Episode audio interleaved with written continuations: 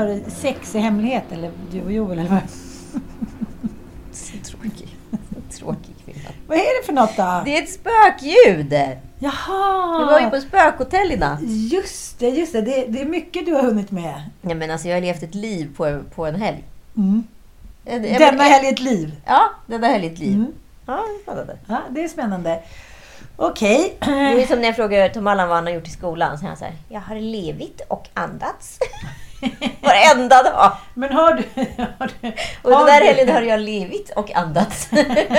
Men har du ens andats? Nej, det kanske jag inte har i och för sig. Nej, jag tror jag har mest alltså. levit. Ja, jag blev... eh, Jag blev utmattad och då är jag ändå rätt uthållig. Du är också den mest aktiva personen jag känner i hela mitt liv.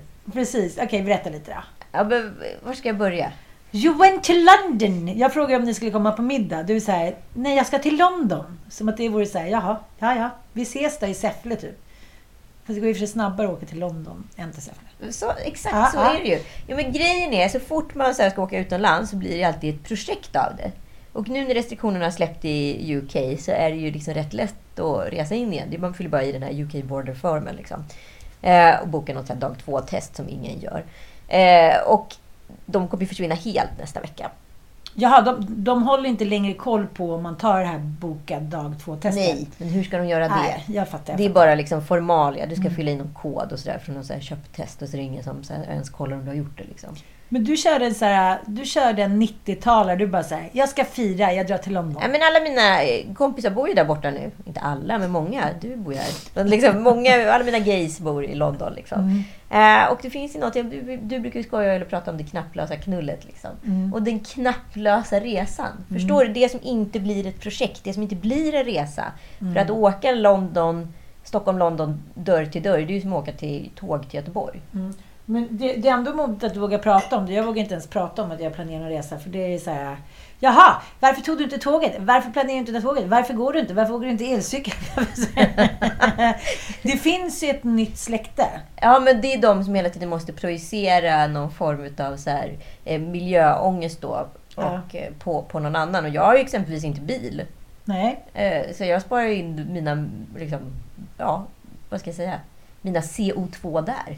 Men eh, du kunde ju tagit färjan. Jag kunde tagit droskan jag kunde åkt över Engelska kanalen. Jag kunde tagit dig på ryggen. Ja, det kunde du gjort. Och simmat. Du som har simmat Vansbro. Simmat. Det är ju ändå väldigt miljöeffektivt. Du är typ den enda som jag skulle kunna tänka mig ha på ryggen. En liten, liten tur. Men, men det skulle jag inte pa- palla över hela Engelska kanalen. Det skulle jag inte. Kallt kanske? Nej, men det är roligt för att all projicering handlar ju om någon grundångest för att man själv kanske inte vill eller för att man själv... Eh, Jag men- tror inte ens man är så reflekterande när man håller på och skriver sådana där grejer. Jag tror inte man har koll på sig själv och tänker så här. Eh, jag är bättre eller sämre. Utan man är bara ute efter att så här, sätta dit. Alltså det finns någon så jävla märklig så här, bitterhet i det där. Ja. Sen kan jag ju vara så här. Jag har några kompisar som reser i jobbet så fruktansvärt mycket. Tror inte folk gjorde det längre. Jo, det gör de. Alltså så filmfolk kan vi kalla det. Mm. Eh, och liksom sen så då när de då ändå ska åka på någon, någon semester och så bara... De har, lever ju den här typen av lyxliv. Så de, är som, nej men de har ju aldrig liksom sin eh, hemadress som sin adress. Det är mer som en stor garderob. Som de liksom packar mellan Mm. Ja, olika resor. fattar. Så det är så här, vi ses i Verbier på fredag! Alltså så Mm. är det ju. Och så åker alla dit. Och sen så åker de då hem då för att jobba fast de inte är hemma för då flyger de till typ Rom eller Tokyo eller Paris eller vad det nu är. Och sen så sticker de ändå iväg på helgen. Jag tänker att man blir så fuckad när man är ute och reser så mycket som man liksom inte kan landa. Nej, att man inte kan finna någon, någon ro hemma. Ja, Ja, men den kan man ju faktiskt känna igen när man har rest mycket eller varit iväg och jobbat mycket. Då är det så här, ingenting, är- ingenstans är hemma på något sätt. det är svårt att orientera Ja, sig. Du, ja. jag kan ju se att du kan hamna där. Ja, Som har verkligen så här, ja men du har varit borta rätt länge och sen så, så kommer du hem så checkar du ändå in på hotell i Stockholm det första du gör. Ja som du. Precis som jag! Men jag tänkte på det så himla mycket när du åkte iväg och så nu när jag har varit hos oss sen, eh, jag och Frans var ju där en vecka, att vissa människor tror jag rent genetiskt och också på grund av att vi flyttade mycket som små, så man har liksom i blodet. Så jag googlade lite på det om så här, jag, jag googlade på resor och så här. Jag, jag tycker att det är lite svårt just nu. Jag är så himla sugen på att åka till Thailand med mina små barn. För att eh, ja, men vi hade ju klippkort i Thailand, och Mexiko och USA med, med de stora killarna. Och jag pratade med Ossian om det. Han sa att jag känner ju att jag jag tror att jag på det sättet har fått äventyret i blodet. Mm. Det, det är inget svårt för mig att så byta miljö eller land. Sen kan jag verkligen längta hem så att jag är inte så här “Wherever I lay my hat, I want to stay there forever”. Utan han är ju väldigt så här, traditionell. Men då läste jag någon så forskning som eh, ja, men, gjorde gällande att så här, barn som får vara med på resor och, och se andra kulturer blir både mer kreativa, bättre i skolan och får någon äventyrlig känsla och en annan inställning till livet såklart. Ja, men såklart. Men samtidigt så, så tycker jag så här... Men det är ju också väldigt talande för Joel då reste inte speciellt mycket när han var liten.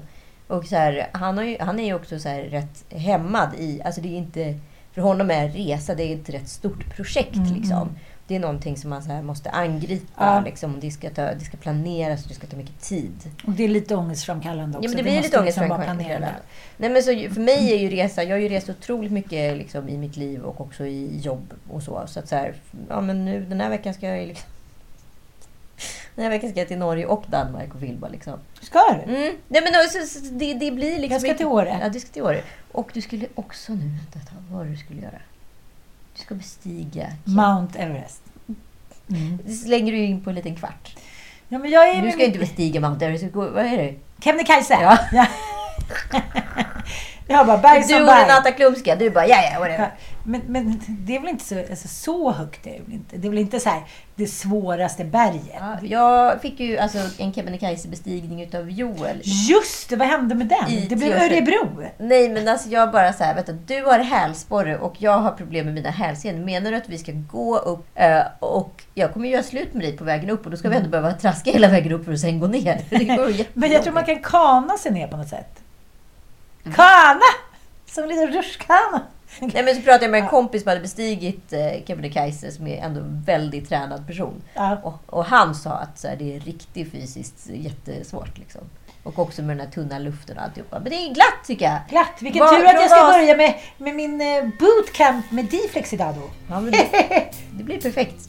Kommer du med upp på Kebnekaise Högre kan vi inte nå Many of us have those stubborn pounds that seem impossible to lose, no matter how good we eat or how hard we work out. My solution is PlushCare. PlushCare is a leading telehealth provider with doctors who are there for you day and night to partner with you in your weight loss journey. They can prescribe FDA-approved weight loss medications like Wagovi and Zepbound for those who qualify. Plus, they accept most insurance plans. To get started, visit plushcare.com slash weight loss. That's plushcare.com slash weight loss. Even when we're on a budget, we still deserve nice things. Quince is a place to scoop up stunning high-end goods for 50 to 80% less than similar brands. They have buttery soft cashmere sweaters starting at $50, luxurious Italian leather bags, and so much more. Plus, Quince only works with factories that use safe, ethical, and responsible manufacturing. Get the high-end goods you'll love without the high price tag with Quince.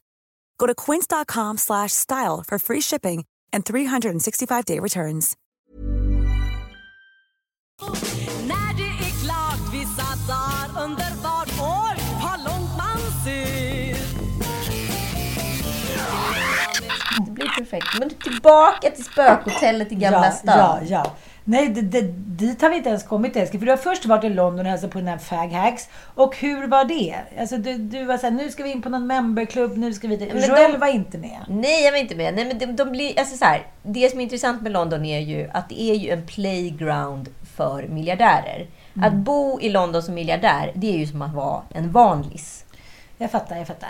för dem. Så Mm. att jag förstår ju att mycket miljardärer samlas, samlas i London för det är så många och då tar det liksom ut varandra på något sätt. Och Då så, behöver man inte känna sig eh, som att man måste bjuda. nej, men i, i Sverige är fortfarande så pass få miljardärer så alla vet vem Ja, som är absolut, miljardären. absolut. Ja, och så flockas en viss typ av klientel runt om. Och det blir väldigt mycket fjäsk och stress och oro och vad ska man ge för present och ska de betala hit och dit. Jag håller verkligen med. Det är väldigt svennebananaktigt när det är någon som man vet är miljardär Ja. på middagen. Nej men och det, det, hur ska man säga? Jo men vi, jag kommer till London, träffar upp eh, Love, alltså Redgate Coms killarna eh, och liksom, vi ses då på eh, Victoria Beckhams butik där det ska shoppas för en kund.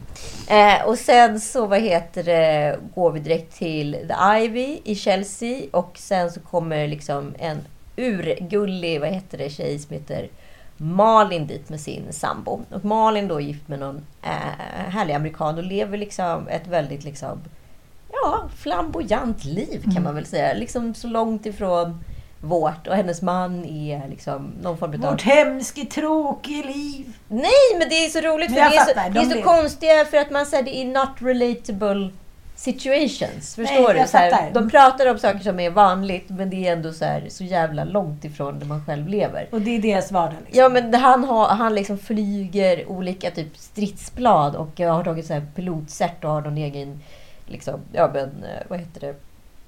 kråka liksom, som han flyger runt i. Och, och då visar han så här filmer från när han flyger den och typ landar på någon så här militärhangar. Man är så här, ja det är också en hobby. Ja, men han vill ändå visa. Jo men det är väl klart Ja, att han vill visa. Men det är väl inte så konstigt, han är ju skitstolt över det där. Men, Ja, det borde han vara. Ja, nej, men det blir ju så här, det är ju en hobby som kanske inte en annan person har. Hur som helst, de är hu- hur trevliga som helst. Och sen så ska vi gå förbi Annabelle som är någon sån member club som jag har varit på ett par gånger. Det blir jättehärlig. Och eh, sen ska vi då vidare på någon hemmafest. Och då, kommer, och då tänker man ju så här, hemmafest, då har man ju liksom... Vad är en Ah. hemmafest i London? Nej, men då åker vi liksom till någon... En etta i Chelsea, tänkte du. Nej, ja men typ ish. Vad fan, så här, vad är det för, vad är en hemmafest? Jag har ingen aning i London. Nej men då är det ju liksom i någon jävla 500 kvadratvåning i Belgravia liksom. Ja. Eh, och då är det en snubbe som bor där som jag faktiskt har träffat förut. Eh, som bor där med sin nya tjej och liksom hans ex bor lite längre bort i något townhouse på 1500 kvadrat. Ja men du vet, det är bara så här låtsasliv och där inne står liksom massa låtsasmänniskor med väldigt, väldigt, väldigt mycket pengar. Mm. Och man blir så här... För det är ju inget otrevligt. Det är inget Nej, sånt. nej, men det är inte autentiskt. Det är inte så här, fan vad jag känner mig så här sedd och hörd. Nej, men jag blir så jävla obekväm i de där situationerna. Så det handlar ju mer om mig. De är ju svinbekväma liksom. Men de tänker ju inte på dig som en så här sällsam liten fågel. Du är ju bara en, de skiter ju i... Alltså de tänker att vi är alla lika, barn leka bäst. Det ligger bara hos dig själv. Ja, Ja. hundra procent! Och de är ju svintrevliga liksom. Och är jättegenerösa. Men det som är skillnaden med England jämfört med Sverige, om vi ska ta någonting som är så här... Jag brukar sk- skoja om att så här, göteborgare är Sveriges norrmän för att de, de vågar prata om pengar och hur bra de har och sådär. Och norrmän är ju, vad heter det, Europas amerikaner. Ja, ja. Men här är ju också pengar liksom en valuta för vem du är. Så att det berättar lite om din, om du kan då berätta om din livsstil genom pengar. Mm. Det, betyder, det identifierar dig i den här skocken liksom på något sätt. Eh, så då, då pratar de om pengar liksom på ett helt annat sätt än vad man är van med. Och jag är liksom såhär wow! Det är när någon säger något, man är såhär wow, ah, okej. Eh, nej men, ja, men och sen var det någon kvinna där som hade liksom en diamantring på typ 16 kvadrat som jag sa. 16 Hon bara karat. gick omkring med den på en liten så här pall som hon drog med. Hon bara åh, åh. Ah, det var riktigt, riktigt, riktigt festligt. Och Men sen, och ska- sen åkte vi tillbaka till en annan member club och sen så åkte vi tillbaka till Elvas. Ja, men. Men sen såg jag typ att du satt på någon jävla tunnelbana in till Heathrow, typ så här 9.45. Då tänkte jag så här, "Sk- skjut henne bara. Skjut henne på plats så slipper hon lida Ja, den här du, dagen. du vet när man är sådär, Ja. när man är så bakfull så att det Ja. gör så ont bakom ögonen. Så tryck hårtons huvudvärk, har jag förstått att det heter. Gör det? Ja, och det, alltså, du vet, det är som att skallen ska sprängas i tusen bitar och du vet inte hur du ska kunna stå Mm. upprätt 300 överhuvudtaget. Ipren senare, det var bara en överdos, men huvudvärken är fortfarande kvar. Ja, och sen så då kommer jag hem, landar, ligga typ på soffan i en timme för att packa om och då sticka ner till Gamla sta- stan till ett spökhotell. Och det här hade jag ju bokat med min kompis Elin. Vem är din kompis Elin? Men du har inte träffat henne tror jag? Det är någon ny kompis som jag inte känner till. Jag var med Elin förra året på Ellery och sådär. Och Elin och jag hänger då och då. Vem är den här hemliga? Det är din Nej. Molgan. Det är min Molgan! Elin finns inte. Gud Elin, vad roligt. Du var så här, jag ska på hotell typ, så jag ska, bo, Med jag ska bo med Elin. Min Men hon är aldrig med på bild. exakt. Ja. Nej, men, så då, ska vi, då hade jag ju bestämt här med Elin innan så jag kunde inte riktigt boka av. För jag London var ju det spontana. Jag vet, det där är ju problemet tycker jag. Att när man kör en spontanare så tänker man så här, men då pallar jag inte det. Men det ska ju inte hen straffas för. Nej, Nej. exakt. Det var ju bara, hon var så här, jag kommer inte acceptera att du ställer in. Jag bara, äh, nej, nej, jag har inte tänkt att ställa in. Mm. Men vi kanske kan ses klockan sex istället för fem. Eh, och sen så åkte vi ner till, jag var ju rätt sliten, ska erkännas. Mm. Då åker vi ner till det här spökhotellet då som ska vara i Gamla stan. Och där ska det ju då spöka. Mm. Det ska vara någon obehaglig afrikansk voodoo-mask uppe på våning 5. Den var inte där.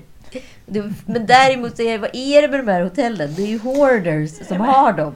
Men jag Det är fattar bara inte det. grejer överallt. Ja, men, ja, det är det ju Det är som ett såklart. levande museum. Men hela Gamla stan är väl bara en enda lång hoarder?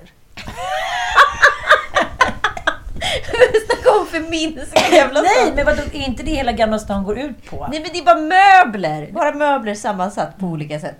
Det är jävligt läskigt i sig. Ja, det är När det inte liksom idéer runt inredningen. Men liksom. ni hade ju chips och vin, så det blev bra sen. Jag förstår inte, här skulle ni alltså vara och bli rädda. Här skulle vi då, så jag laddade ner en spökbarometer. Så bara, det finns en app. Och så får man stänga av, vad heter det, mobil, i- liksom, alltså man måste sätta på flygplansläge och så får man ta dem metall. Och då skulle vi då ha på den här och då uppleva om det kommer in spöken. För då ska man börja prata med dem. Det är tydligen det som är grejen. Eh, och det du hörde då, det var ju steg. Då, då har han plockat upp något ljud som inte finns. Mhm. Eh, Det sig lite läskigt. det var lite läskigt. Och sen gick vi runt då i Gamla stan med den här, vilket var spännande. För att på, eh, uppe vid Stortorget, du vet Stockholms blodbad, Ah, ah. där var, bara slog det liksom i taket. Mhm. Men sen var det liksom rätt lugnt runt omkring. Sen kom, sa de på, innan när vi var på hotellet och frågade så här, ja, men var spöken någonstans? Ja, men ler i trapphuset där och så på några ställen. Och just där så gick faktiskt spökbarometern upp. Wow! Ja. Du och jag är ju inte ensamma att tro på spöken, för var tredje människa i Sverige tror faktiskt på spöken. Jag tycker det är ganska fascinerande. Det låter lite som så här... Ja, men också att man, man erkänner det. det många sådana här, liksom, vad ska man säga, utomjordliga eh, bestyr. bestyrelser, det tycker folk är lite pinsamt att de tror på. Men spöken känns det så här, det är fortfarande lite kreddigt att tro på spöken känns det som. Är det för att vi... Ja, jag vet inte. Är det bara för att vi tycker att allting är så rationellt nu? Det finns tek- teknik, det finns Foodora. Man men vill ha liksom spökerier. Informationssamhällets baksmälla det är att vi måste tro på det som vi inte kan läsa oss till. Mm. Men det jag läste ju å andra sidan, när vi pratar om det, någonstans att här, man anses vara en ointelligent människa ifall man tror på högre väsen. För det är tydligen ett drag för att vara ointelligent. För Mhm. då tänker jag så här, men det, så är det ju inte riktigt. Men det är så många människor som självvalt då väljer att vara ointelligenta och vara irrationella. För att Mm. spökeriet är ju någonting irrationellt.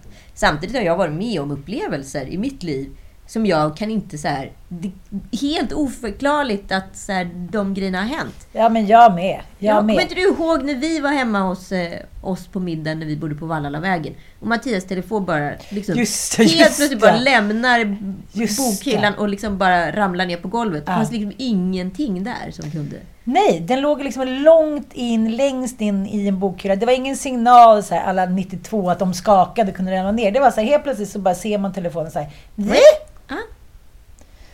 Men det är ju liksom en irrationell händelse i en rationell Kontext. kontext Ja. Sen har jag varit med om när man liksom inte har sovit så bra, man är i en utsatt situation, när min mamma nyligen hade gått bort och så här. Då är det ju klart att man är mer Mottaglig. Ja, liksom. jag tycker de flesta som går till medier och rappakalja då inom situationstecken överlag, det är ju när man är inte mår så himla bra. Liksom. Men samtidigt så det där med telefonen var ju så här. Och din fantastiska historia med ballongen var ju inte heller någon, eh, någon eh, Nej, men det är ju, det är ju liksom på riktigt det läskigaste jag varit med om. favorit i repris. Ni som har hört det ni och följt oss länge, ni, ni får eh, Ja, ni får stänga av er så får ni lyssna igen för det här är så spännande. Ja, men vi bodde i lägenhet, jag och Kalle och Penny. De alla fanns inte än. Eh, och det här var ju då när Penny var liten. Vi bodde i ett gammalt sekelskifteshus vid, i Vasastan i Stockholm. Eh, och där började det ske konstiga grejer rätt fort. Det var en rätt obehaglig punkt i hallen som man bara kände så här, wow, du vet den här känslan som man går in i en vägg. Det är bara någon konstig energi där. Jag. Den känslan. Och sen så var det Pennys rum som hon var så här, jag vill inte sova för jag vill inte leka med flickan som bor där inne. Mm. Så hon sov alltid inne hos oss. Och sen så flertalet gånger hamnar jag i ett paralystillstånd. Ni vet vad det är? När man är så här... Man är vaken och medveten, men är helt oförmögen att göra någonting. Alltså det är som att man Som är... en freeze. Ja, som en freeze-situation. Då märker jag då kvällstid att det börjar promenera utifrån hallen och så går det liksom i korridoren hela vägen bort till vårt sovrum. Så går det in och så vad heter det, går det liksom förbi. Jag sov liksom längst in i rummet på den sidan sängen, på vänster sida. Och då går det liksom förbi hela sängen och så kryper det liksom upp och lägger sig i sängen. Under lång tid så trodde jag att det var liksom en hund eller någonting som hade gått igenom. För jag förstod att det var något litet och det tassade och det var rätt försiktigt. Liksom. Men det var ändå ett obehag i det. Um, men sen var det en jul som jag och Kalle satt i köket. Och vi, köket liksom ligger parallellt med vårt sovrum och det är den här korridoren som går utanför. Och sen är det badrum och sen kommer hallen. Då ser vi plötsligt hur en liten person springer förbi oss. Alltså i den här korridoren. Jag bara så gud har Penny vaknat? Men nu måste vi prata om, så här, är det då som i filmer lite genomskinligt? Eller känner du att det här är en person av kött och blod? Eller är det mer en förnimmelse? Nej men det är en att förnimmelse. springer Men tänk att någon skulle springa förbi i ögonvrån. Ja, du, ser att det, du, ser, du kan identifiera att det är något som springer förbi, men du kan inte identifiera. Var det då en... eh, Det kändes som att det, det var en liten människa. Det var en liten människa och då var jag så men gud har Penny vaknat? Då går jag in och kollar sovrummet, ligger hon kvar och sover? Då börjar jag fatta sig, okej, this is something weird. Sen börjar lampor som stängs av och sätts på, det flyttas grejer på kvällar, alltså så här, fotoramar som byter plats eller liksom flyttas runt och saker som ramlar i backen. Ja, mycket såna här konstiga grejer liksom. Eh, och den här eh, personen återkommer allt oftare och det liksom stegrar någon gång runt jul varje år. Då känner jag att det är, så här, det är jättemycket runt jul. Eh, och så här, till sist så händer det sjukaste. Vi har då varit på typ TGI Fridays eh, och har en så här, ja, men du vet man får ju så här heliumballonger, eller inte heliumballonger, det är vanliga ballonger som är fyllda med helium. Men de tappar ju stinget rätt fort. Så det ligger en sån rätt trött ballong i rött i Pennys rum. Och Pennys rum är liksom längst bort diagonalt från vårt sovrum. Eh, Penny kan inte sova. Det här är, vet jag, runt 15-16 december. Um, och eh, hon kan inte sova på natten. Och Kalle är på eh, julfest med jobbet. Och han är då på en karaokebar som är liksom på Odenplan. Inte så långt ifrån där vi bor. Eh, helt plötsligt ser jag då från sovrummet, vårt sovrum, in i Pennys sovrum som är liksom diagonalt över liksom hela lägenheten. Eh, vi har vardagsrummet emellan. Hur den här trötta jävla ballongen liksom reser sig upp från golvet. Alltså det är fortfarande så fortfarande jävla obehagligt. Och hamnar ungefär ja, men en, 1,50 centimeter ovanför marken. Far i en rak sträcka diagonalt över hela vardagsrummet. Åker förbi sängen precis på det där sättet som den här lilla människan eller djuret eller vad det har varit. Mm. Bort till liksom vänstra delen av sängen och in i sängen. Alltså som det är att det är någon som går med en ballong. Ja. Och Penny börjar då leka ta fatt med den här ballongen varav den då åker liksom upp i taket, åker runt. Den är väldigt kontrollerad. Den vet exakt var den ska ta vägen utan att hon når den. Alltså jag sitter ju bara alltså, i någon form av paralys och bara så stirrar. Jag får liksom inte... Till sist börjar jag grina och sen så ringer jag Kalle och bara så här, du måste komma hem. Och då kommer han hem. Då sticker ballongen upp i taknocken och det är ungefär, ja men det är en sekelskiftslägenhet så är runt fyra meter. Han kommer inte åt den, vi är rätt korta både han och jag. Eh, så, så här, Det blir lite humor i skräckhistorien. det blir lite humor i skräckhistorien. Till sist får han tag i den där och så mosar han typ ballongen. Liksom. Eh, det är liksom den sista sekvenserna där som jag lyckades få på film. För det här var ju liksom det äckligaste någonsin. Men då får jag hit en spökutredare i alla fall. Som är där. Och liksom, en Ghostbuster basically. Mm, mm. Som är där och vi har någon så seans och då berättade hon att det fanns en... Hon frågade om den här punkten i hallen, säger hon direkt. Jag pratar ju bara i telefon men jag har inte berättat någonting om förhistorien. Har du en punkt i hallen som är obehaglig? säger hon. Jag bara, ja absolut. Kan det vara så att det är en kakelugn där? Jag bara, nej det är det inte. Okej, men har du någon stenplatta eller någonting i hallen från en kakelugn? Jag bara, ja det är det faktiskt. Vart tar den vägen då? Jag bara, ja men den fortsätter in under väggen. Precis, för den här lägenheten har hängt ihop med den bredvid. Kan du kolla det? Jag bara, ja så ringer jag styrelsen och kollar. Så, ja men precis, de satt ihop förr i tiden. De har gjort två lägenheter av det. Då visar det sig då att det ska finnas en liten flicka som bor i huset som heter Astrid som är lung, har varit lungsjuk och hostat väldigt mycket. Så hon har blivit kvävd då utav sin brorsa under någon, i en kudde. Men föräldrarna fick aldrig reda på det där. Så de tror, de tror att hon har dött av sin ja, TBC eller någonting. Uh, och hon, Vänta, vänta. Hur får du, vad, vem berättar den här historien? Den här spökutredaren. Jaha, okej. Ja, Ja. men det, det finns någon som heter Astrid som har bott En där. liten flicka som heter Ja. Astrid. Ja, vi hittade i alla fall en familj som hade haft eh, barn i rätt ålder. Men jag vet inte om förnamnet var Astrid. Jag utredde aldrig det. Nej. Men det stämde i alla fall liksom tidsepoksmässigt och alltihopa. Eh, och det är då hon som ska ha spökat. Så vi gör någon jättekonstig seans runt den här kalla fläcken i hallen. Och så säger hon så här, nu har Astrid lämnat. Så här, men se till att ha salt i hörnen och sådär. Salt. När man ska sina salt ska rena. Ja. Och sen så hade vi det och det blev faktiskt bra. Det slutade spöka, men vi var rätt så obehagade då. Mm, så vi valde att flytta. Men sen så är det ju så att vissa personer kan ju frambringa spöken. Jag hade själv rätt mycket sådana här upplevelser när jag var liten. Jag tror att det var Penny som var liksom rätt öppen Mm, mm, och tog med sig grejer. Så vi flyttade till en lägenhet på, eh, eh, på Vallallavägen. Och precis när vi flyttade in i början så säger de så här, jag vill inte leka med pojken som bor i min garderob. Ja, men inte nu igen bara. Du bara, Ge jag orkar inte. Nej, men hon säger så här, och jag bara så här, "Ja, men vad heter han då? Han heter Stille. Jag bara, men sluta bara med det här. Sen kommer vi in i vårt nymålade sovrum. Då har, är det liksom som att någon har klottrat med så här överstrykningspenna på väggen. En stor fläck. En gånger en meter. Typ med så här grön och gul överstrykningspenna. Huller om buller, som en stor fyrkant. Liksom, som man har klottrat i. Liksom, förstår du? Att det bara är så här... En hysterisk person som har ritat väldigt ilskt på ett papper. Liksom. Och jag bara så här, men Penny, det är inte sant! Så här, vad är det du har gjort? Liksom, nymålat. Man bara, inte ja, det var stilla. Jag bara, men nu får du väl ge dig. Och Kalle och jag står och kollar på den här fläcken, så jag går in i målaren och bara så här, jag är så ledsen, det har hänt värsta olyckan. Du måste komma hit och eh, måla om. Och så går jag tillbaka in i sovrummet och är fläcken borta. Nej men gud! Nej men alltså, vi, vi, vi, både jag och Kalle är så här, håller vi på att bli galna? Och nu får jag händer? freeze. Vad är det som händer? Jag bara, åh, är det sant? Och sen googlar jag Stille, bara för att jag var så här, vad fan, Stille det är ett rätt specifikt namn. Mm. Då visar det sig att han, han som har byggt Tessinparken, det området där vi bodde, han heter Albert Stille. Men, Vad är oddsen? men hon kanske har, nej. Vad är oddsen? Men Jag tänker bara att hon har, nej hon kunde inte ens läsa då. Nej, hon är ju, hon är ju typ fyra år. Fyra eller fem. Gud. Ja, så, så jag har haft min... Och sen uppe i Gävle liksom förra julen.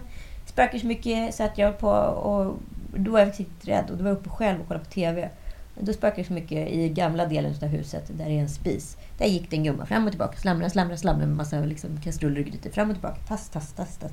Väldigt bestämt, men bara centrerat i den delen. Men jag var ändå så pass rädd för att jag skulle behöva gå upp på övervåningen och passera det där rummet. Liksom. Men jag tänker, den lägenheten ni bor i nu, det känns så här... Är, det finns inte liksom Nej. ett spöke så långt ögat kan nå. Joel, Nybyggt känner jag lite så här, det ska bli svårt att finna ett spöke i papier-maché-hem. Liksom. Ja, men verkligen. Det måste ändå finnas någonting att ta av. Liksom. Ja, nej, men så, så här, då, och jag älskar ju sånt här och det gör ju även min kompis Elin. Men jag är fortfarande fruktansvärt rädd för vissa saker. Eftersom jag tycker, jag tycker de här upplevelserna var rätt obehagliga faktiskt. Ja, men det är klart. Men det är som du säger, så här, vissa är emottagliga och vissa kanske inte. Men eh, ja, det är ändå intressant att... Eh, det är ju spännande att det finns en annan dimension. Så är det ju bara. Ja, jag. men sen blir det ju också så här töntigt för när man då försöker provocera fram det, då händer det ju aldrig. Nej, Utan aldrig. det är ju liksom, som det här spökhotellet hände ju ingenting. Det var ju bara att det var läskiga dockor överallt. Jo, men jag har ju en kompis på den tiden när många hade hemtelefon och så bara ringde liksom. Det ringde vid samma tidpunkt varje kväll i några dagar. Eh, och sen så tog hon upp luren och ingen som svarade. Så visade det att hennes farmor hade legat död. Och dött då liksom. Eh, ja, men ungefär vid den tidpunkten måste hon ha dött. Ja. Så det är så här, men gud nu får jag sån ris igen. Då är det så som att hon har ringt då från andra sidan. Förstår du vad jag Ja. menar? Och så här, jag ligger Försöker död. kommunicera, liksom. Mm. Och sen så när de liksom bröts in, och så här, eller bröts in, när de gick in och sen så fick hon... Då, ringde det inte mer liksom. Så det var de två dagarna. Typ. Ja, nej, men jag kommer ihåg efter min pappa hade dött ett år efter ungefär. Då traskades det runt lite här ute och rotades i papper och grejer. Jag hade pappas dokument här hemma. Liksom. Eh, som var väl Han här. gömma ja, undan. jag från- ville väl kolla läget Ja. liksom. Men det bara kändes verkligen inte Läskigt. läskigt. Liksom. Det var så uppenbart isolerat till hans död på något sätt. Liksom.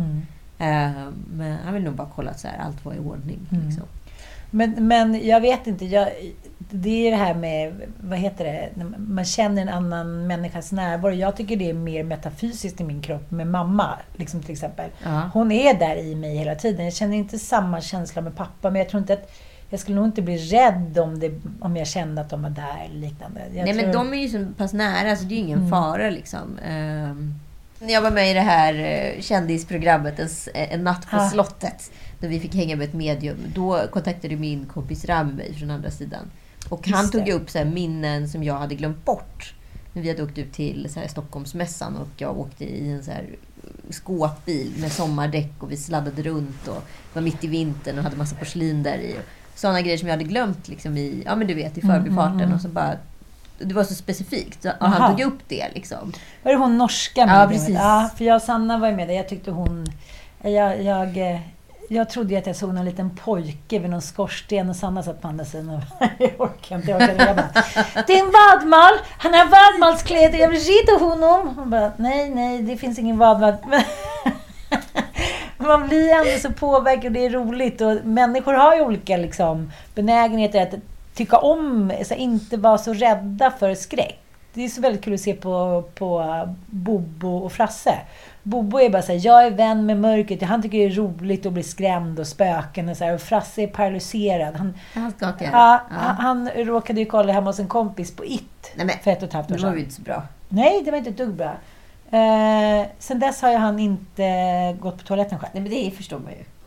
Jo, ja, fast det var då Bobo såg det också. Alltså så här, vi, Ja, men det är olika åldrar och sen är man mottaglig för olika saker. För det beror på vilka bilder man kan skapa i sitt eget huvud. Ja, för det som att det sker på liksom en skräckfilm, det är ju det som tar vid. Alltså det är det, vad händer i ditt eget huvud? Vad är det för någonting du förlänger den här historien med? Liksom? Jag tror att det handlar om en liksom rationalitet också. Frasse har mycket mer fantasi, precis som jag. Och Bobo är mer som Mattias. Det är, så här, det är farfar som är tomten. Man bara säger nej nu är du två år och du ser inte det. Så här, Hej farfar! Man bara, okej. Men Medan Frasse är så här, undrar vem det var. Typ. Han, jag tror att det handlar lite om att man vill också. Man vill att det ska finnas jag tror att det handlar om hur man ser bilder i hjärnan. Vissa människor ser ju kreativitet. Jag ser bilder först och Ja. andra ser ord först. Liksom. Jag tror att Frankadollen är en sån. Men nu börjar jag så jävla trött på att bara säga Jag är bajsnödig! Jag är bajsnödig! Han vill liksom inte gå på toa själv. Nej. Det är så roligt för att jag tycker att så här, det här hemmet är rätt ohotfullt. Liksom. Men ändå så märker jag när så här, Tom Allan ibland då kommer in här på nätterna, hur, man hör hur han liksom tar sats och springer hela vägen från sitt rum som är då en och en halv, två meter Ja. från vårt rum. Hopp, Ja, men exakt. Ja. Men du vet, man, kan, man känner igen den känslan från sin egen barndom att man kunde springa in och så hoppade man i sängen och så stoppar man in sängen och typ stoppade in täcket Mm, under sig bara för att så här, ingenting ska få komma in Mm. och liksom skapade de här bilderna i mitt huvud liksom, av vad, vad det var för abstrakt hot där Mm. ute. Liksom. Och jag kommer ihåg att jag hade ett jättestort rum när vi bodde i Jönköping. Eh, då ville jag väl alltid ha det rummet som min syrra hade, för det låg vägg i vägg med mammas och pappas rum. Jag var tvungen att gå igenom mammas och pappas rum. Det var inte alltid jättekul. Man bara, jaha, där ligger ni. Okej, jag bara går in i rummet igen. Men jag kommer ihåg att varje kväll så låg jag och tänkte så här, varför ska jag ligga i det här stora jävla rummet, i det här gamla huset och titta på den här garderoben och tänka att där är det någonting. Varför ska, en, varför ska barn liksom bo i egna rum? Jag tyckte det var så otroligt korkad uppfinning. Ja, jag håller med. Mm. Jag håller med.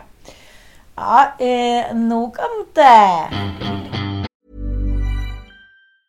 There's never been a faster or easier way to start your weight loss journey than with PlushCare.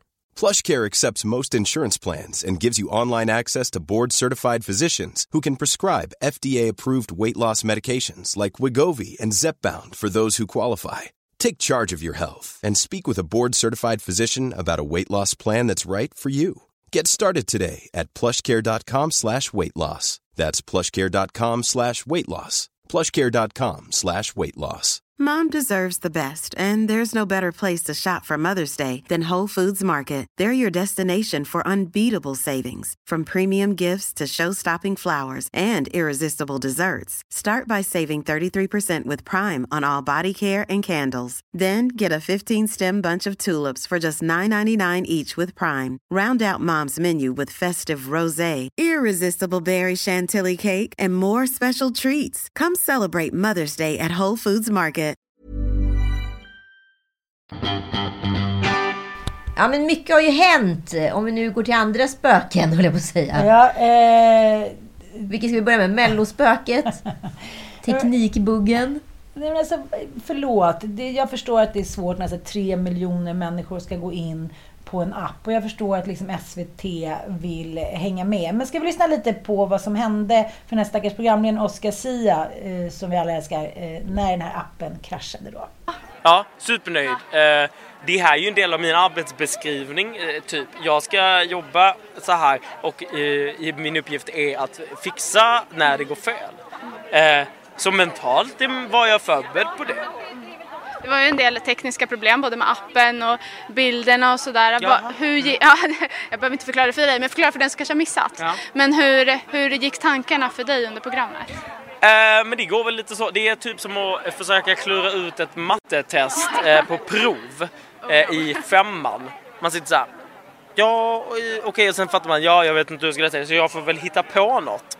Eh, ungefär så kändes det. Och, eh, men det var också väldigt kul. Eh, men jag, jag kände absolut att det var så. Jaha, då är det alla som tittar på mig nu och så får vi väl se vad han hittar på.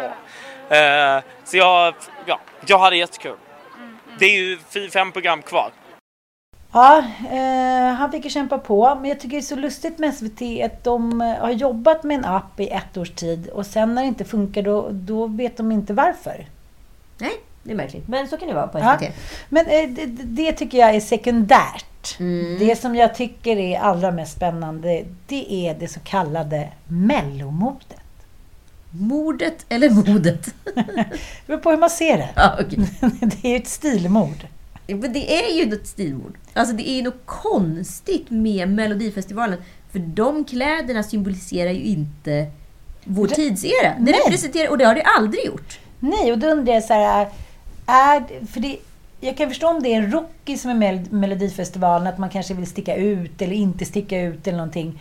Men det är ju många etablerade artister som i vanliga fall tycker jag ändå klarar sig på den, denna tunna knivsägg att liksom hålla modebalansen. Men i Melodifestivalen då är det som att så här, nu är, lämnar vi all form av så här, stil och stäl hemma. Vi bara så här, går bananas i 1700-talskläder, i medeltidsrockar. Fantasykläder har vi Ja, eller så tycker jag att det blir så, här, så typ Lex Måns Zelmerlöw, att det blir så här, det blir en skjorta och en t-shirt. Vi ska inte Mm. sticka ut, vi ska vara killen mitt emot. Det här om året då när supersnygge Erik Saade helt plötsligt kommer som typ... Eh, Vadmal. Nej men Åsa-Nisse i fjällen. I någon sån här mysig, i och för sig svindyr men det är så här, Nej, jag förstår inte. Och eh, det var ju inte annorlunda i år då. Nej, men kan vi få lite mello? Jag har ju inte varit hemma så du får ju liksom ge mig en recap här. Precis. Ja, men jag tycker att det är roligt att eh, det finns en låt. Det finns ju mycket av mina uttryck i årets första deltävling på Melodifestivalen. Malou Prytz eh, låt heter ju Bananas. Det gillar du? Ja, det brukar jag använda mycket. Fast du säger bananjas. Som du hade skrivit den låten. Bananjas. Alltså, du du menar att jag, det är inte snott av mig? Nej. Sen har vi då Danne Stråhed. Lex... Nej. Det var mycket paisley i olika former utav paisley. Ja, men varför? Det är som att jag skulle heta Anson Fransson. Kan han inte bara heta Daniel Stråhed? Nej, det kan han inte. Då heter hans låt Hallabaloo. Och då är så här, först ska vi berätta lite om Danne Stråhed som beskrivs som en folkkär artist från Skåne som varit aktiv sedan mitten av 70-talet. och haft Men det är flera- ingen som vet vem Danne får. Vad heter han nu då? Danne Stråhed. Ja, Det är ingen som vet vem Danne Stråhede är. Alltså det har ju varit liksom så här, var någonstans ska man hitta en folkkärare person? Var ska du lämna 2000 folkkärare personer? Ja, men- Det är här polare med typ Hasse Kvinna Böske Andersson. Ja, men det finns ju alltid en sån där rena rama ding-dong eller guld och gröna skogar. Det verkar som att vi fortfarande har ett starkt behov av att ha en sån här hallabaloo-skåning. Ja, Ja, det fick du. det fick jag. Men då ska vi prata lite om kläderna. Det är någon form av paisley-kläder han har. Ja, spännande. För det är Ja. helt brokiga former utav paisley. Han är obagligt lik en, en, en smalare Phil Collins också tycker jag. Eh, han har alltså... Ja, Vad är Ja, det vi ser på? Kan du beskriva för våra lyssnare? Ja, det, vadmalen är ju med såklart, men i form av keps. Sen har han liksom en... Det var kanske den lilla pojken Ja, det är stille. springande på slottet. Ja, det är min lille pöjke. Ja, sen är det ju något så här, det här skulle liksom eh, en turk bli så glad över att färva. Förlåt, jag vill inte vara rasistisk. Men... Nej, men en, en så här partyturk. Alltså, det är så fint. Det är så här svart skjorta i paisley med guld och över det så är det en turkvadmalsväst. Ja, men det är liksom en sensationell blandning. Ja, alltså Ja, men det är som att, det är som att eh, liksom överklass-England har mötts Ja. i, i, I Turkiet. I Turkiet. Ja, dragit en E och kört loss. Partybåt. Och så är det lille pojken också lilla Lilla, kassen. lilla ja. badmanspojken. Ja, nej men det är väl spännande måste jag säga. ja, men den här folkkära artisten Danne Stråhed. han gick ju också vidare. Till, så det finns ju något behov. Vi går vidare. Malou Prytz. Nej men, ja, eh, jag känner så Det här. där är ju- känns som en fantasy-outfit fast som hemmasydd. Möter Unni Drogge. Jag möter Unni Drugge men Ja. också hemmasydd fantasy-dräkt. Som så här Ja. barnkalas. Men är det läder, är det plast, Det är är det oklart. skinn, är det siden? Ingen vet. Är hon blodig? Är det, är det tatueringar? Jag- Jag får inte ihop Är det här en tröja eller väldigt mycket tatueringar, det här röda? Eh, det är nog en tröja. Ja. Och sminket är också sensationellt. Och smyckena, det, är så här, det här är kläder som vi aldrig har sett förr eller senare. Nej men precis, så är det. Ja, I barnprogrammen kanske på 80-talet, så här, Kapten Zoom och det. Det är kanske är där de har hittat det. Ja. Ja. Eh, Hon åkte ut i alla fall. var ju Eh, trist. Ja, det är tråkigt. Mm. Sen går vi vidare. Min, tre, min tredje analys. Mm. Och det är eh, Shirley Clamp. Mm.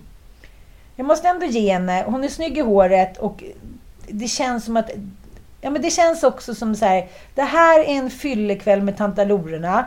Och de är så här, vore det inte kul om du har liksom som någon superhjältinna Men det känns ju mer som att man varit på hemmafest och så får man feeling på att så här, ska vi experimentera lite? Så Och vad tror du om att du sätter på dig din gamla så här, alltså vad heter prom night? bordsduk. Nej men det är gamla klänning som du hade på studenten. Man på, på. Mm. studentbalen och så sätter vi den över axlarna. Det kan bli så fint. Ja, och, men, men byxorna, det, det här är en modell som jag inte har sett sen salig morfar ringa.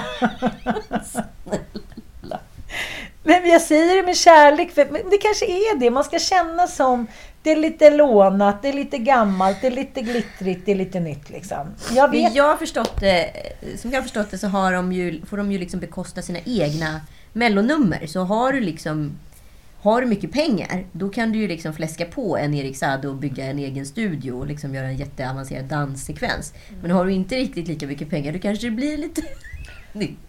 Lånat och ihopsnott.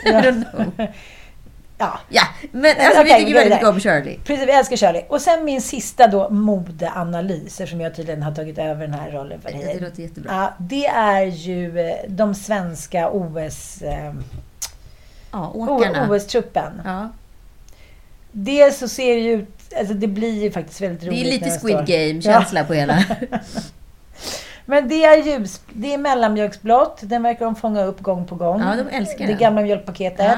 Och sen är det såklart en lite gula inslag och något blått. Men jag bara känner så här... Det här skulle väl kunna funka om... Men formen. Ja. Det är liksom Ove Sundbergs brorsa som är såhär, ja men då kör vi bara helt avskuret ner till så kan de röra sig lätt och ledigt. Det måste kunna gå att hitta på något roligare än det här. Det måste det älskling. Det här är smurfar, ja, smurfarnas paradis. Fast liksom smurfarna är i alla fall lite sköna och egna. Det här är bara såhär, vi sätter alla i samma stöpta form. Och så får vi hoppas att de vinner. Och det gör de i och för sig. Det kanske är en idé att inte ska ta fokus från man kanske inte ska känna sig för het. Det känns inte som att eh, Sverige någonsin har prioriterat sina kläder i OS-truppen. Däremot är det lite märkligt kanske att Uniqlo numera gör svenska OS-truppens kläder när vi ändå har svenska H&M etc. Men jag känner mycket hopp inför kommande deltävlingar. Där har vi bland annat den första transpersonen som är med i Melodifestivalen. Tycker jag är väldigt fint. Mm. Tone Axelius. Tone Sekelius. Ja, eh, men jag tror på eh, Tone Sexelius. Sa Tone Sekelius. Att inte du har kommenterat att Ossian filmade mig när jag skulle säga Kanui West. Kanui. Nej, har jag gjort det? Nej, men han höll på typ tre inlägg och jag var så här, nu kommer han hit och säger jag bara Kanui, Kanui, kan han, vad, vad, vad sa du egentligen? Hur sa du att du sa? Jag bara Kanu, Kinu, Kanu. Men alltså jag, du vet, jag får i alla fall en gång i veckan så här, sluta mobba Ann för hennes uttal. Men det är ju helt omöjligt, för du kan ju alltså inte uttala ett enda namn. Ska, vi kan ju lyssna på det här då. Kanui West. Vad sa du? Säg hans namn då. Kani. Kani. Ke- Kanye... Namn. Kanye West. Jag är inte förvånad. Nej. Det är svårt alltså. Det är, något, det är någonting med min hjärna som inte klarar av vissa Så uttal. vad hette tonen nu då i efternamn? Baxelius. Haxelius. Vad sa du då? Sekelius. Tone Sexel- Sekelius. Sexelius. Sexelius. Sekelius. Sekelius. Frasse kan inte heller säga det. Mm, det är är något arve. Det är något genetiskt misstag. Mm. Mm. Please welcome Pamela Anderson. Did you know anything at all about Mr. Lee before you met him? I knew he was the drummer for Motley Crue. Did you find him attractive? I liked his smile. I still do. We're so good together, Pamela. To everlasting love. We have recently come into possession of a piece of material. Ja, det här är ju en serie som eh, vi båda har sett fram emot. Den är ju väldigt omdiskuterad och också ganska hyllad. Ja, alltså jag, jag vet inte. 90-talet var ju den grisigaste eran som någonsin har uppstått. Alltså det är ju, det var ju extremt sexistiskt. Vi pratar, nu pratar vi om liksom, jag ska kalla det för E-Type-eran eller liksom silikontutsbrudseran etc. Alltså, och drottningen utav alla silikon-queens var ju dåtidens Kim Kardashian, det vill säga Pamela Anderson. Hon var liksom, hon var den ikoniska Scandal Beauty Men hon var större än Kim för att det fanns ingen jämförelse. Det var liksom det enda man kunde jämföra med henne som ändå hade haft lite class och grace. Det är ju egentligen Marilyn Monroe. Så hon stod ju för något helt nytt. Alltså det här var ju liksom sensationellt. Vi kan inte förklara hur jävla populär hon var. Nej men det var helt otroligt. Ja. Alltså, och vi som då växte upp, jag gick i gymnasiet på den här tiden. Det var ju inte så att jag inte kunde gå på en förfest utan att den här p-mackan spelades. Liksom var- hemma hos någon kille. Det var ju två p-mackor. Det var ju dels den här och sen var det Chicolina som sög av en häst. Ja, det är typ de två som Ja. man har sett. Men liksom, det var ju någonting som hade liksom flyttat in på förfesten och liksom Ja. inte var något konstigt att den rullade. Nej, och det mejlades ju också, kommer jag ihåg, när vi gick på eh, gymnasiet. Så här, när man började mejla varandra så var det någonting som så här, skickades typ. Ja men precis som en extrem mobbing. Liksom, Ja men exakt. Och, och liksom så här, Pamela var ju... Det var ju så här, Det är ju rätt mycket skämt om att så här, det är väldigt många som har kommit i Pamela Anderssons panna för att så här, modemen knackade så jävla segt så att de, man hade liksom inte hunnit få upp hela bilden på henne. Och det Nej, var men kom killar i Ah! How is this? Okej, nej men gud, jag vill inte ens tänka på alla de där fläckarna. Ja, hur som helst, det, det, som, det som hände var ju också att när internetet, World Wide Web kom, så kunde man ju också viralt dela saker. Det, det blev ju som en så här bymobbing fast Gånger tusen. Precis. Och det här var ju någonting som eh, liksom inte fann... Det var ju så här slut-shaming på en helt ny nivå. Och det skulle också framställas som de hade läckt den här videon eh, själva för att så här, på något sätt bli ännu mer populära och framställa sig själva som så här, två hetingar. För det var ju så att Tommy Lee hade ju byggt en liten ja, sexstudio kan man väl säga. Med såhär sexgunga och pool, liksom pool dansstång och hit och dit. Så det var ju ganska avancerat. Men det var ju en högst privat inspelning. Och jag tänker att de flesta på den här tiden spelade vi in en liten film och tyckte att det var så här kul. Vi spelar in, oftast med kanske en liten alkohol innanför västen. Så att, men sen visade det sig att det var deras eh, elektriker som hade snott det. För hon, han var arg på Tommy Lee. Så han hade liksom tömt hela jävla hemmet för att Tommy Lee inte hade betalat en, eh, en räkning. Och sen så tog det något år och sen så förstod de ju vad de hade i sin hand. Och det här blev ju också, inte bara, hon blev inte bara slutshamead, hon blev också så här, the joke of the TV shows i USA och över hela världen. Och det tyckte man också var helt okej. Vi kan ju lyssna lite här på Jay Leno när han eh, har Pamela som gäst. Det här tycker jag, du vet, jag vill gå ut Imagine the softest sheets you've ever felt. Now imagine them getting even softer over time. That's what you'll feel with Bowl and Branch's organic cotton sheets. In a recent customer survey, 96% replied that Bowl and Branch sheets get softer with every wash. Start getting your best night's sleep in these sheets that get softer and softer for years to come. Try their sheets with a 30-night guarantee. Plus, get 15% off your first order at bowlandbranch.com. Code BUTTERY. Exclusions apply. See site for details. Even when we're on a budget, we still deserve nice things. Quince is a place to scoop up stunning high-end goods for 50 to 80% less than similar brands. They have buttery soft cashmere sweaters starting at $50, luxurious Italian leather bags, and so much more. Plus, Quince only works with factories that use safe, ethical, and responsible manufacturing. Get the high-end goods you'll love without the high price tag with Quince. Go to quince.com slash style for free shipping and 365-day returns. You're supposed to be my friend, my friend, and I you're like your. You, you know, jump on the bandwagon. Everyone's making fun of us, and making fun. What, yeah, what are I you know. talking about? I'm shocked. making fun? What do you mean? You were making fun. I maybe told one little joke or something. One, Tommy's been taping them. I've got it here. What do you have? I don't even got to show it. Tommy, Pamela Lee, Pamela Lee, Pamela Lee, and Tommy Lee, Pamela Lee and Tommy, Pamela and Tommy Lee, Pamela and Tommy Lee, Pamela Lee, Pamela Lee, Tommy and Pamela Lee, Tommy and Pamela Lee, Pamela and Tommy Lee, Pamela and Tommy Lee. Maybe. Maybe one or two. Did you have a favorite? It's not funny. not funny. This is devastating to us. Well, what? It is? It is. It is. Ja, men det här är helt sjukt. Och det visar sig också nu att jag läste intervjun med Pamela, eller om den här serien i um, Vanity Fair, där hon liksom aldrig har sagt ja till att den här serien ska göras. För det är ju trauma för henne. Hon Mm. var ju gravid liksom när den här filmen läckte ut.